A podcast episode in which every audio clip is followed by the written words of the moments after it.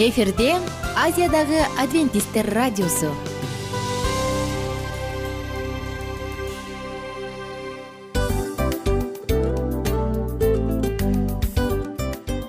Достор салют. Баардык сүйүктүү угармандарыбызга салам айтабыз. Кутман күнүңүздөр менен. Ден соолук өмүрдүн булагы демекчи саламат саамы программасында баарыңыздарды көргөнүбүзгө абдан кубанычтабыз. Анда алгач амандашып өтөлү арбаңыздар деп. Ден соолугуңуздар кандай элибизде көбүнчө ден соолук кандай дегенде эле жакшы деп жооп беребиз э? ооруп турсак дагы жакшы дейбиз. Анан мен муну айтып ойлойт элем бул абдан сонун сөз депчи анткени бул жакшы деген үмүт да э ооба баары жакшы болот. Баары сонун. Деп үмүттөнүп атып эле өзүбүздү өзүбүз дарылап коебуз.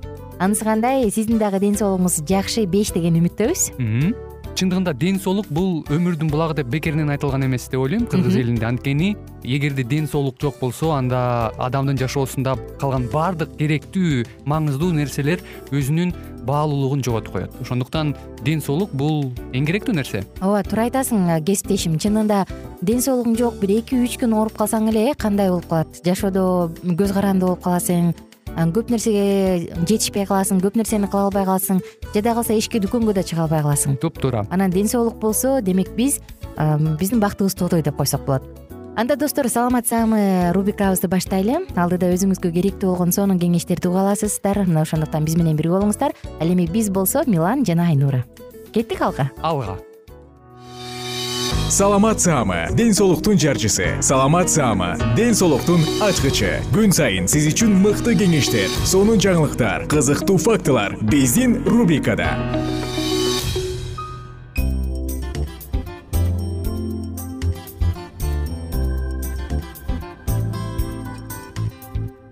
саламатсыздарбы достор жалпы угармандарыбызга ысык салам. Сагынычтуу салам айткан соң биз саламат саамы рубрикасын баштадык. Эмесе достор бүгүнкү тема атеросклероздун өрчүүсүн алдын алуу деп аталат ооба. Атеросклероз дегенде эле ии склероз болуп калбадымбы деген адамдарды көп угат болушубуз керек э? Бул көбүнчө кайсы бир куракка келип калган жаш курагы өйдөлөп калган эс тутуму начар адамдар ии ушу склероз болуп калган окшойм ай деп коет эмеспи.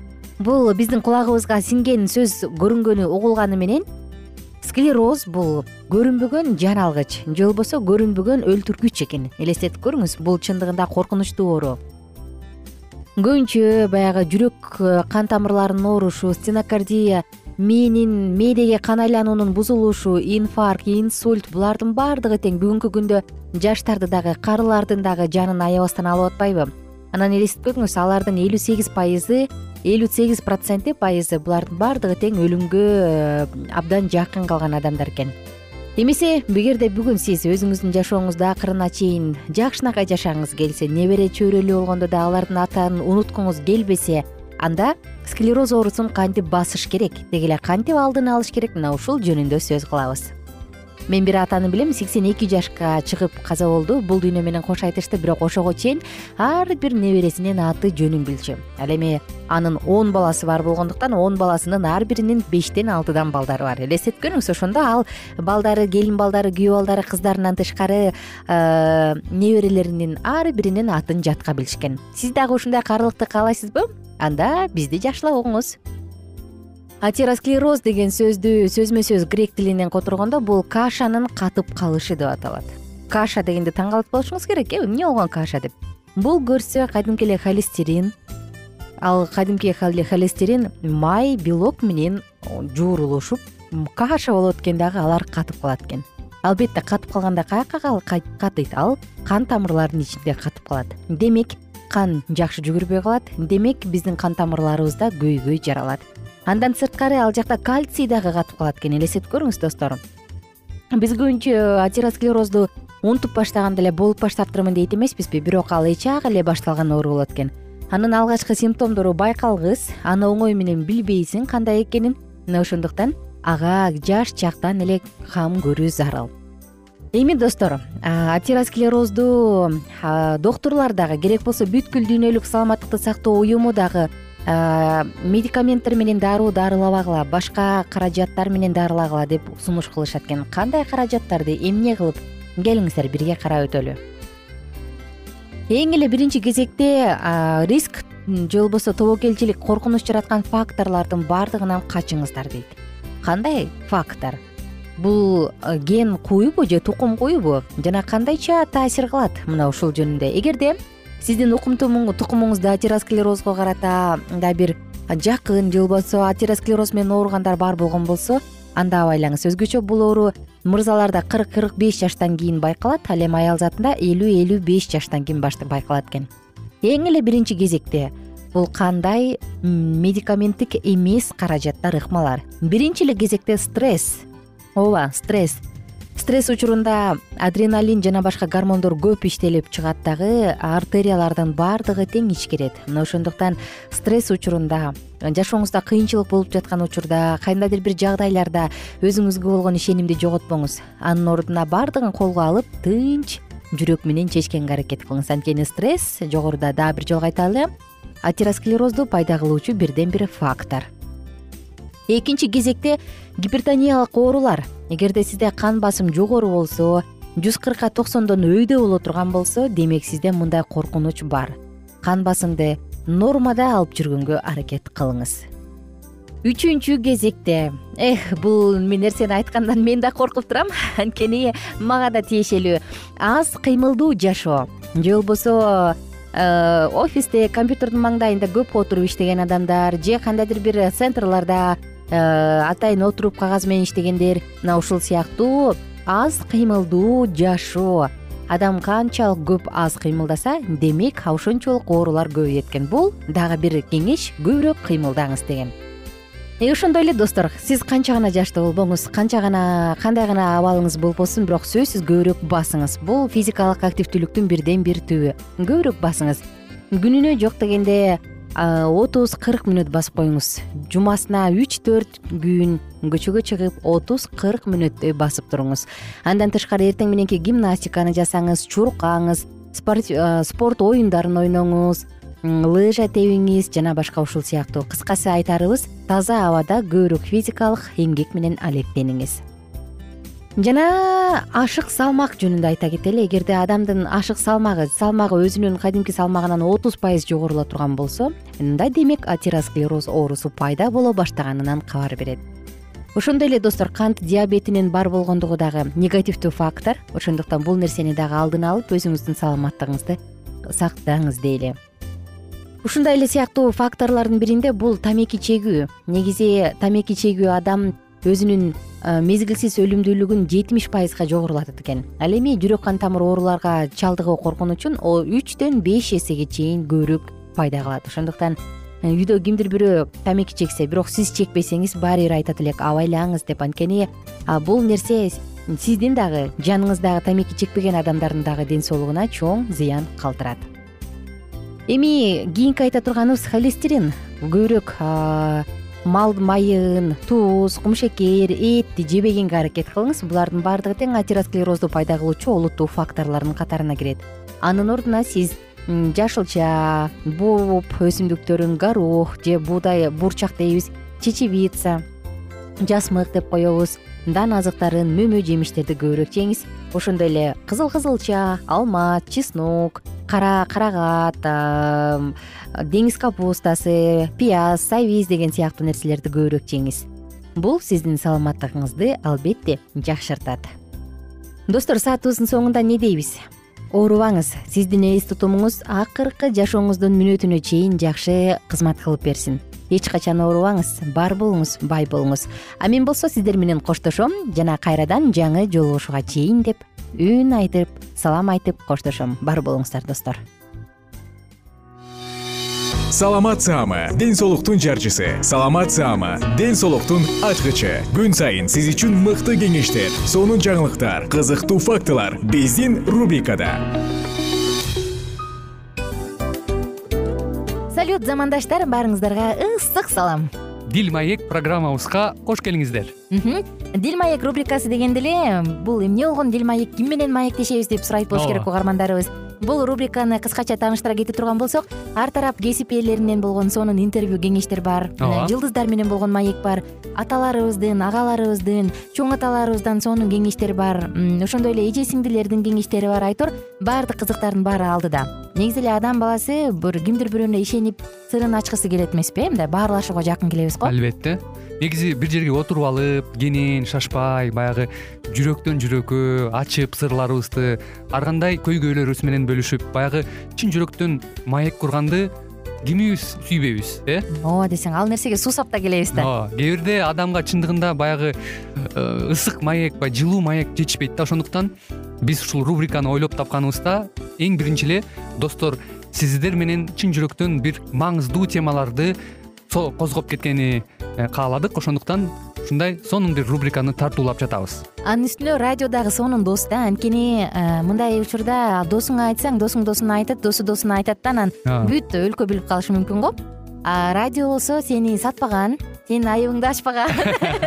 Сенин сырыңды эч кимге айтпаган сонун мына ошондуктан биздин алдыдагы айта турган кеңештерибизди биздин досторубуздун кеңештерин угуп анан ал жака пикириңизди дагы калтырып кайрадан биз менен байланышсаңыздар болот. Деги эле жашооңузга эгерде кичине болсо дагы өзгөрүү алып моралдык жактан нравовык жактан сонун бир кеңештерди алсаңыз демек биз максатыбызга жеттик. Ооба. Чыңгыз атабыз улуу жазуучу э, чыңгыз айтматов айткандай адам болуу бул күнүмдүк процесс экен. Күн сайын адам бойдон калуу бул адамзатка эң эле кыйын дейт э? э эң кыйын дейт. Чындыгында бунун э, негизинде адамдын эң баягы сапаттуулугу адамдын адамгерчилиги жана көптөгөн керектүү нерселер. Мына ошол темалар дагы бизде э, ушул дил маекте биз аларды да козгойбуз. Э, ден соолук жөнүндө да сүйлөшөбүз. Сөзсүз түрдө анан милан мырза негизи айтып коюшат го. Биз көбүнчө эмнени ойлонсок ошол нерсеге карата иш кылабыз го. Ооба. Анан анысы кандай? Балким бул радио баракчада кимдир бирөөнүн оюн текшергенге жардам берет кимдир бирөөнүн жүрөгүн текшергенге жардам берет.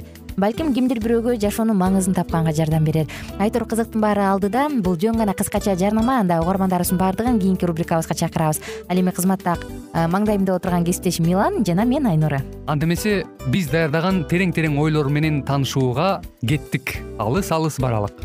Анда эмесе достор биз менен бирге болуңуздар. Алдыда эң кызыктуу маалыматтардын баардыгы бир нече мүнөттөр бою жалгыз гана сизге арналат. Мына ошондуктан жакшы маанай менен угууну каалайбыз. Үн алышканча жөнөдүк. Ар түрдүү ардактуу кесип ээлеринен алтын сөздөр жүрөк ачышкан сыр чачышкан сонун маек дил маек рубрикасында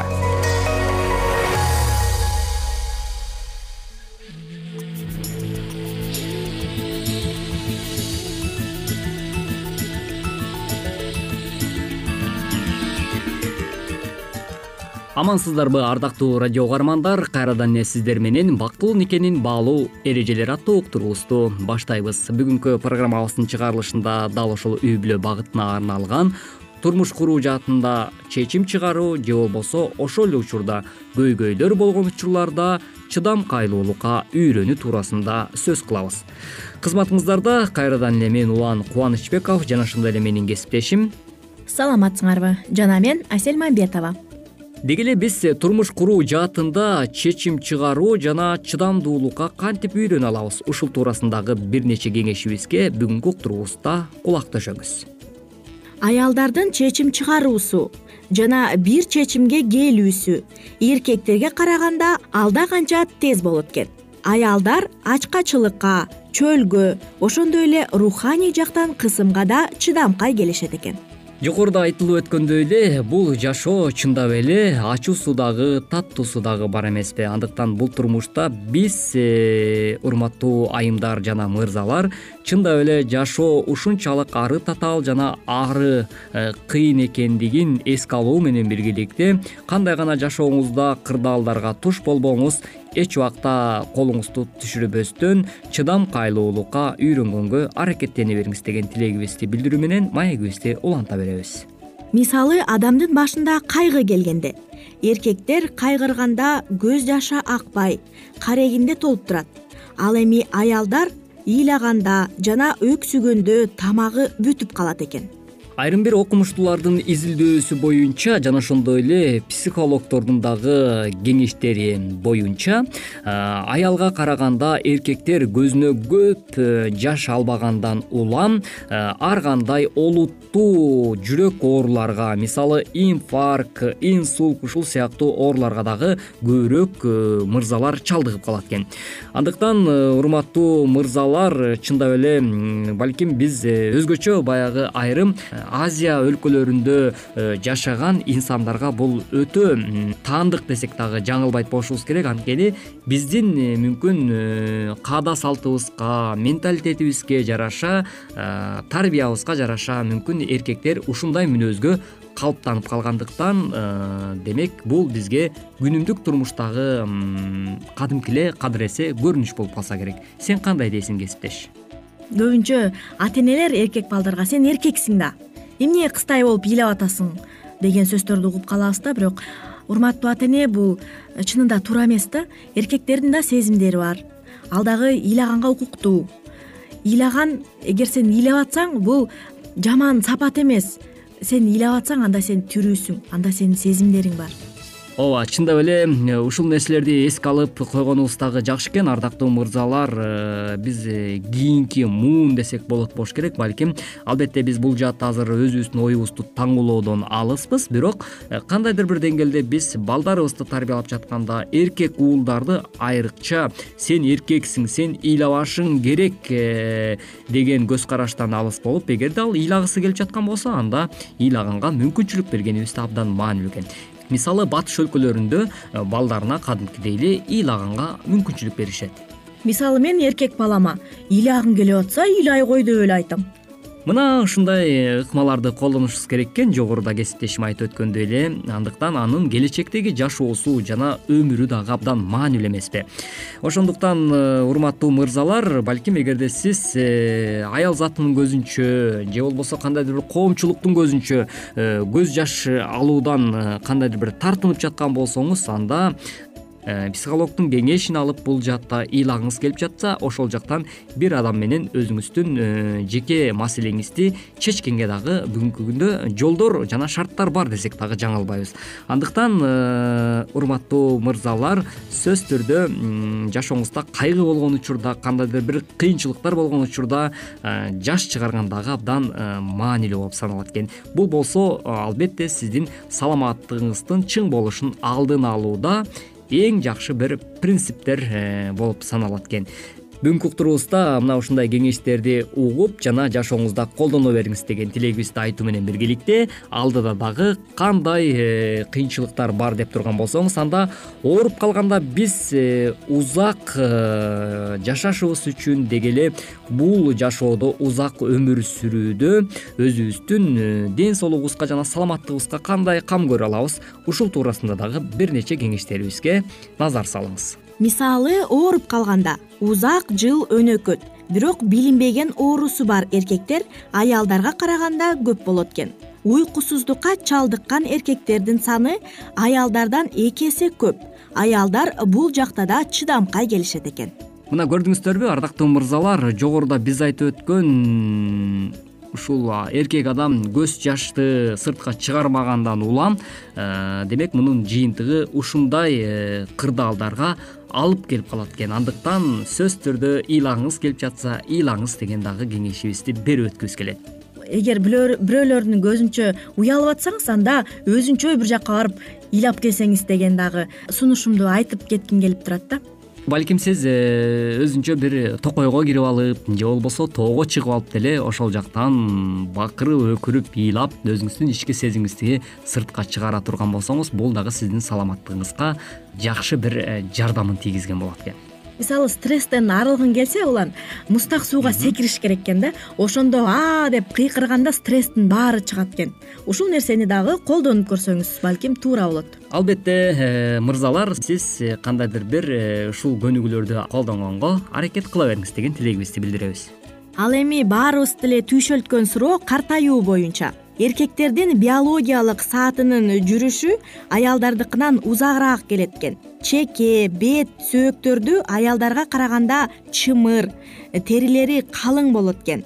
Э, бырыштын сызыктары аз болгондуктан жаш көрүнүшөт экен эркектер. Ал эми аялдардын түйшүгү үй бүлө күйөө деген убайымы көп болгондуктан алардын биологиялык саатынын жүрүшү тез жана кыска болот экен. Аялдардын эрте картаюусу ошондон экен албетте чындап эле айымдар э, баягы эне болгондуктан сөзсүз түрдө бала төрөөнүн деле түйшүгү канчалык деңгээлде оор экенин э, айтпасак дагы баардыгыбызга белгилүү эмеспи. Ошондон улам дагы э, аял затынын эрте картайып кетиши ушундан улам болсо керек. Эмки берүүдөн дал ушул уктуруудан үн алышканча сак саламатта болуңуз ар түрдүү ардактуу кесип ээлеринен. Алтын сөздөр жүрөк ачышкан сыр чачышкан сонун маек. Дил маек рубрикасында. Жан дүйнөңдү байыткан жүрөгүңдү азыктанткан жашооңо маңыз тартуулаган жан азык рубрикасы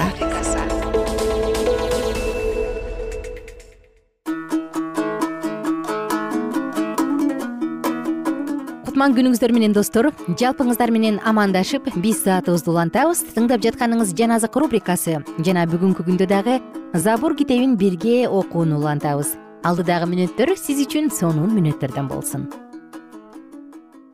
Жүз отуз алтынчы забур. Туткундалып кеткен ысрайылдыктардын ые сионду эстегенде бабыл дарыяларынын жээгинде отуруп алып ыйладык. Ал жерде өскөн талдарга арфаларыбызды илдик. Ал жерде бизди туткунга алгандар бизден ыр талап кылышты. Бизди кысымга алгандар биздин көңүл ачуубузду талап кылып бизге сиондун ырларынан ырдап бергиле дешти. Биз теңирдин ырын бөтөн жерде кантип ырдайбыз? Иерусалим эгерде сени унутуп койсом анда мени оң колум унутсун. Иерусалим эгерде сени эсимден чыгарып койсом.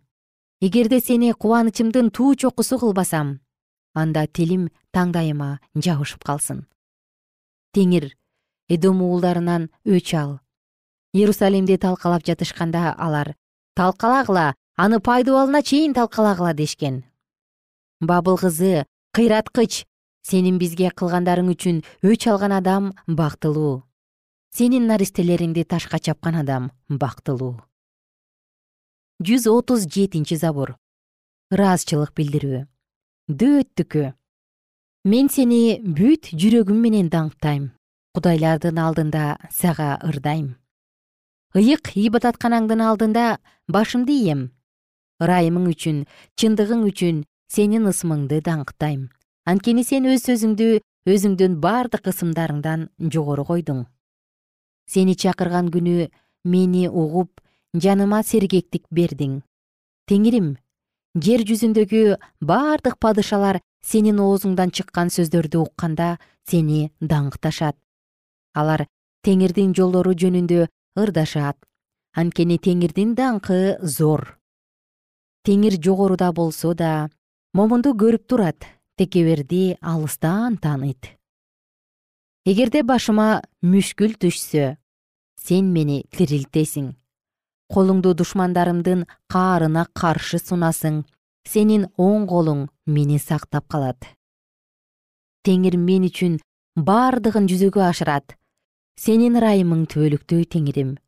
Өз колдоруң кылган иштерди таштаба жүз отуз сегизинчи забур. Ырчылар тобунун башчысына дөөттүн забуру. Теңир сен мени сынадың баарын билесиң сен менин качан отуруп качан тураарымды билесиң?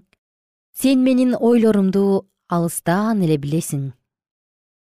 Басып бара жатсам да эс алып жатсам да сен мени курчап турасың. Сага менин бардык жолдорум белгилүү. Мен айта электе эле сен теңирим. Айтар сөзүмдү толугу менен билесиң. Мени артымдан да алдымдан да курчап турасың. Менин үстүмө өзүңдүн колуңду коесуң. Бул билим мен үчүн таң каларлык. Аны түшүнүү мен үчүн кол жеткис бийиктик сенин рухуңдан качып кайда барам? Сенин жүзүңдөн кайда качам? Асманга чыксам да сен ошол жердесиң. Өлгөндөр жаткан жайга түшсөм да сен ошол жердесиң. Таңдын канатын алып деңиздин кыйырына көчүп кетсем да ошол жерде мени сенин колуң жетелейт мени сенин оң колуң кармап турат. Эгерде мен мүмкүн мени караңгылык жашырып калар менин тегерегимдеги жарык караңгы болуп калар десем да караңгылык мени сенден жашыра албайт. Түн да күндөй жарык. Жарык кандай болсо караңгы да ошондой. Анткени менин ички мүчөлөрүмдү сен жараткансың сен мени энемдин ичинде токугансың. Мен сени даңктайм. Анткени мен таң каларлык жаратылгам. Сенин иштериң керемет. Аны менин жаным толук түшүнөт. Мен жашыруун жаратылып жатканда курсактын тереңинде пайда болуп жатканда менин сөөктөрүм сенден жашыруун эмес болчу. Мен жаңыдан түйүлдүк боло баштаганда эле сен мени көргөнсүң. Мен төрөлө электе эле мага белгиленген күндөрдүн бири да боло электе эле сенин китебиңде баары жазылып коюлган. Кудайым сенин ойлоруң мен үчүн кандай баалуу? Алардын саны кандай көп? Мен аларды санай турган болсом алар кумдан да көп. Мен ойгонгондо да сени мененмин. О кудайым кудайсызды жок кылсаң гана кан ичкичтер менден алыс кеткиле. Алар сага каршы жаман сөздөрдү сүйлөп жатышат. Душмандарың сенин ысымыңды куру бекер эле атап жатышат. Теңирим сени жек көргөндөрдү мен кантип жек көрбөйм? Сага каршы чыккандардан мен кантип жийиркенбейм аларды аябай жек көрөм. Алар мага душман. Кудайым мени сынап жүрөгүмдү бил. Мени сынап ойлорумду бил. Кара мен коркунучтуу жолдо эмесминби? Мени түбөлүктүү жолдо жетектеп жүр кымбаттуу замандаш мынакей бүгүн дагы сиздер менен бирге забур китебинен эң сонун сөздөрдү окуп өттүк биз кайсы жерге барбайлы караңгыда жашынып алабызбы үстөлдүн астына кирип кетебизби. Кайсы гана жерде болбойлу качан гана болбойлу ар бир баскан турган жерибиз ар бир оюбуз жараткандын алдында айдай ачык. Мына ошондуктан сиздин азыркы ойлоруңуз позитивдүү жаратканга жаккан жакшы ойлор болсун. Адамдын ою кыймыл аракетке кыймыл аракети адатка адаты тагдырга айланчу бир сонун тепкичи бар эмеспи. Мына ошондуктан бүгүнкү оюңуз сиздин эртеңки тагдырыңыз. Жакшы нерсени ойлонуңуз баскан турган жериңиздин ар бири жаратканга жага тургандай болсун. А мен болсо сиздер менен убактылуу коштошом кайрадан кийинки уктуруудан амандашканча сак саламатта туруңуздар.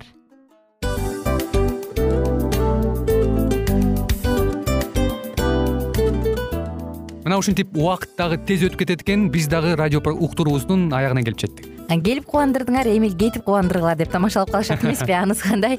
Радио баракчабызды программабызды азыр эле баштап аткандай болдук элек мына соңуна келдик э? Негизи убакыт билинбей өтүп кетет экен? Мен дагы убакыт дегенде бүгүн бир адам менен сүйлөшүп калдым. Анан убакыт бул мүмкүнчүлүк деп айтып өзүмө өзүм айтып алып анан мага өзүмө эле кайра ачылыш болду да чын эле Э, карап отурсаң ошол эле жыйырма төрт саат ошол эле жарым саат кайталанып атат. Бирок сендеги мүмкүнчүлүк жок ошол кой берилип кетти. Анысы кандай? Бүгүнкү сонун убактыңызды алтындай болгон жарым саатыңызды бизге бөлүп арнаганыңыз үчүн ыраазычылык айтабыз. Анан жашооңуздун кайсы бир сферасын өзгөртө турган сонун пайдалуу кеңеш алган болсоңуз анда биз максатыбызга жеттик. Анан ушул нерсени кылбасам десеңиз ошол өзгөрүүлөрдү кичинекей кадамдардан баштап иш жүзүнө ашырыңыз дагы жашооңузда чоң чоң ийгиликтерге жетиңиздер чын жүрөктөн ар бир берилген кеңештер сөздөр сиздерге пайдасын алып келет деп ишенебиз жана кийинки уктурууларда сөзсүз түрдө чыдамсыздык менен сиздерди күтөбүз. Сагынычтуу салам айтып кайрадан дал ушул жыштыктан баардыгыңыздарды тосуп алганча. Кызматта мен айнура жана кесиптешим милан. Анда кол пулга алайбыз жалпыңыздарга ийгиликтүү күн. Саламатта калыңыздар